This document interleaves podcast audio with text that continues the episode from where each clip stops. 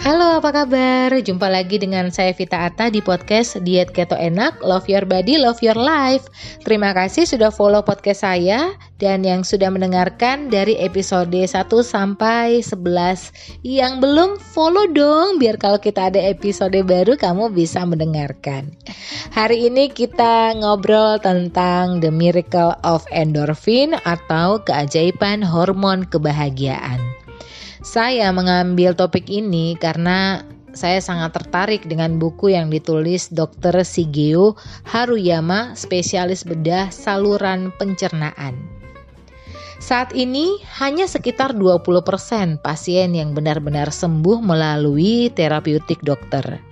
Dari fakta ini tidak berlebihan lah ya kalau dikatakan Usaha medis terhadap 80% selebihnya tak lain merupakan penghamburan biaya pengobatan belaka.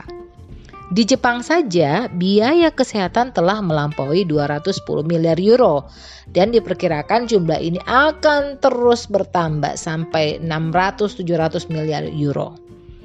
Sungguh ini pemborosan yang luar biasa. Inilah yang membuat Dr. Shigeo Haruyama mengkombinasikan pengobatan timur dan pengobatan ilmu kedokteran barat. Kombinasi pengobatan barat dan timur memungkinkan para dokter menangani kesehatan dengan cara pencegahan, bukan mengobati. Dengan begitu, pasien akan mengurangi konsumsi obat sehingga biaya kesehatan pun bisa ditekan. Nah, salah satu terapi yang digunakan adalah terapi hormon kebahagiaan. Pernah dengar pepatah Cina kuno menyatakan satu kali tertawa, satu kali lebih muda, satu kali marah, satu kali lebih tua. Artinya setiap kali kita tertawa, kita akan menjadi sedikit lebih muda dan setiap kali kita marah, kita akan menjadi sedikit lebih tua. Pikiran positif membuat kita awet muda, pikiran negatif membuat kita menua. Nah, mau tanya dulu nih, kamu ingin awet muda? Kalau saya mau. Ayo, kita berpikiran positif. Berpikiran positif akan merangsang tubuh mengeluarkan hormon beta endorfin. Hormon endorfin adalah zat kimia seperti morfin yang diproduksi sendiri oleh tubuh. Endorfin ini memiliki efek mengurangi rasa sakit dan memicu perasaan senang, tenang, atau bahagia.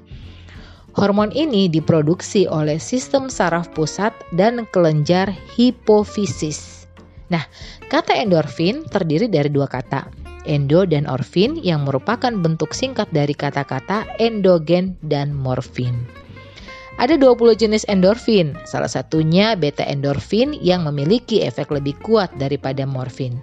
Hebatnya, endorfin ini memiliki sifat non-adiktif atau tidak menyebabkan kecanduan tidak seperti obat apiat, morfin atau kodein.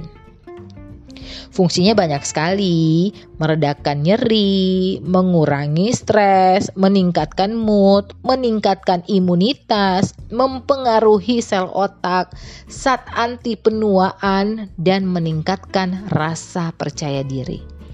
Di buku The Miracle of Endorphin, Dr. Shigeo Haruyama menyarankan untuk kita memanfaatkan dengan bijak hormon kebahagiaan.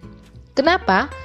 Karena sebenarnya tubuh manusia memiliki fungsi pertahanan yang dapat melindungi tubuhnya dari segala penyakit. So, kalau mekanisme ini berjalan, keluhan seperti kanker, penyakit kardiovaskular, insulin resisten, atau kerusakan pada jaringan pembuluh darah di otak akan jadi berkurang. Tapi kenyataannya tidak demikian. Yang menjadi penyebab utama adalah pola hidup dan pola makan yang tidak teratur. Dengan kata lain, kita bisa tetap sehat tanpa harus mengkonsumsi obat-obatan atau produk buatan lainnya kalau kita menjaga pola makan sekaligus mengatur sekresi hormon dan sistem kekebalan tubuh. Nah, bagaimana caranya meningkatkan hormon endorfin di dalam tubuh? Bisa dengan berolahraga, berkebun, atau saat stres, sedih, jangan biarkan berlarut-larut.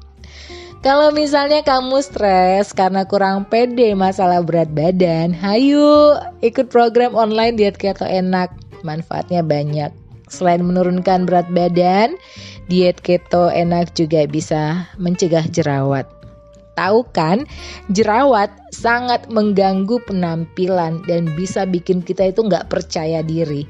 Dengan menerapkan diet keto yang rendah karbohidrat, kita bisa menurunkan kadar insulin dan membantu menghentikan jerawat yang disebabkan perubahan hormon tertentu. Selain itu, saat kita melakukan diet ketogenik, zat keton yang berfungsi membantu melindungi sel-sel otak dari kerusakan akan dihasilkan. So, kita terhindar dari resiko penyakit pikun, Alzheimer, Parkinson, dan gangguan tidur. Demikian episode ke-12 ya untuk pekan ini dan semoga ini bermanfaat. Terima kasih sudah mendengarkan. Jangan lupa di follow podcastnya, follow IG kita juga at diet keto enak. Kalau ingin konsultasi atau informasi lebih lengkap lagi, langsung WhatsApp aja di 081818943318. Sampai jumpa. Shushi.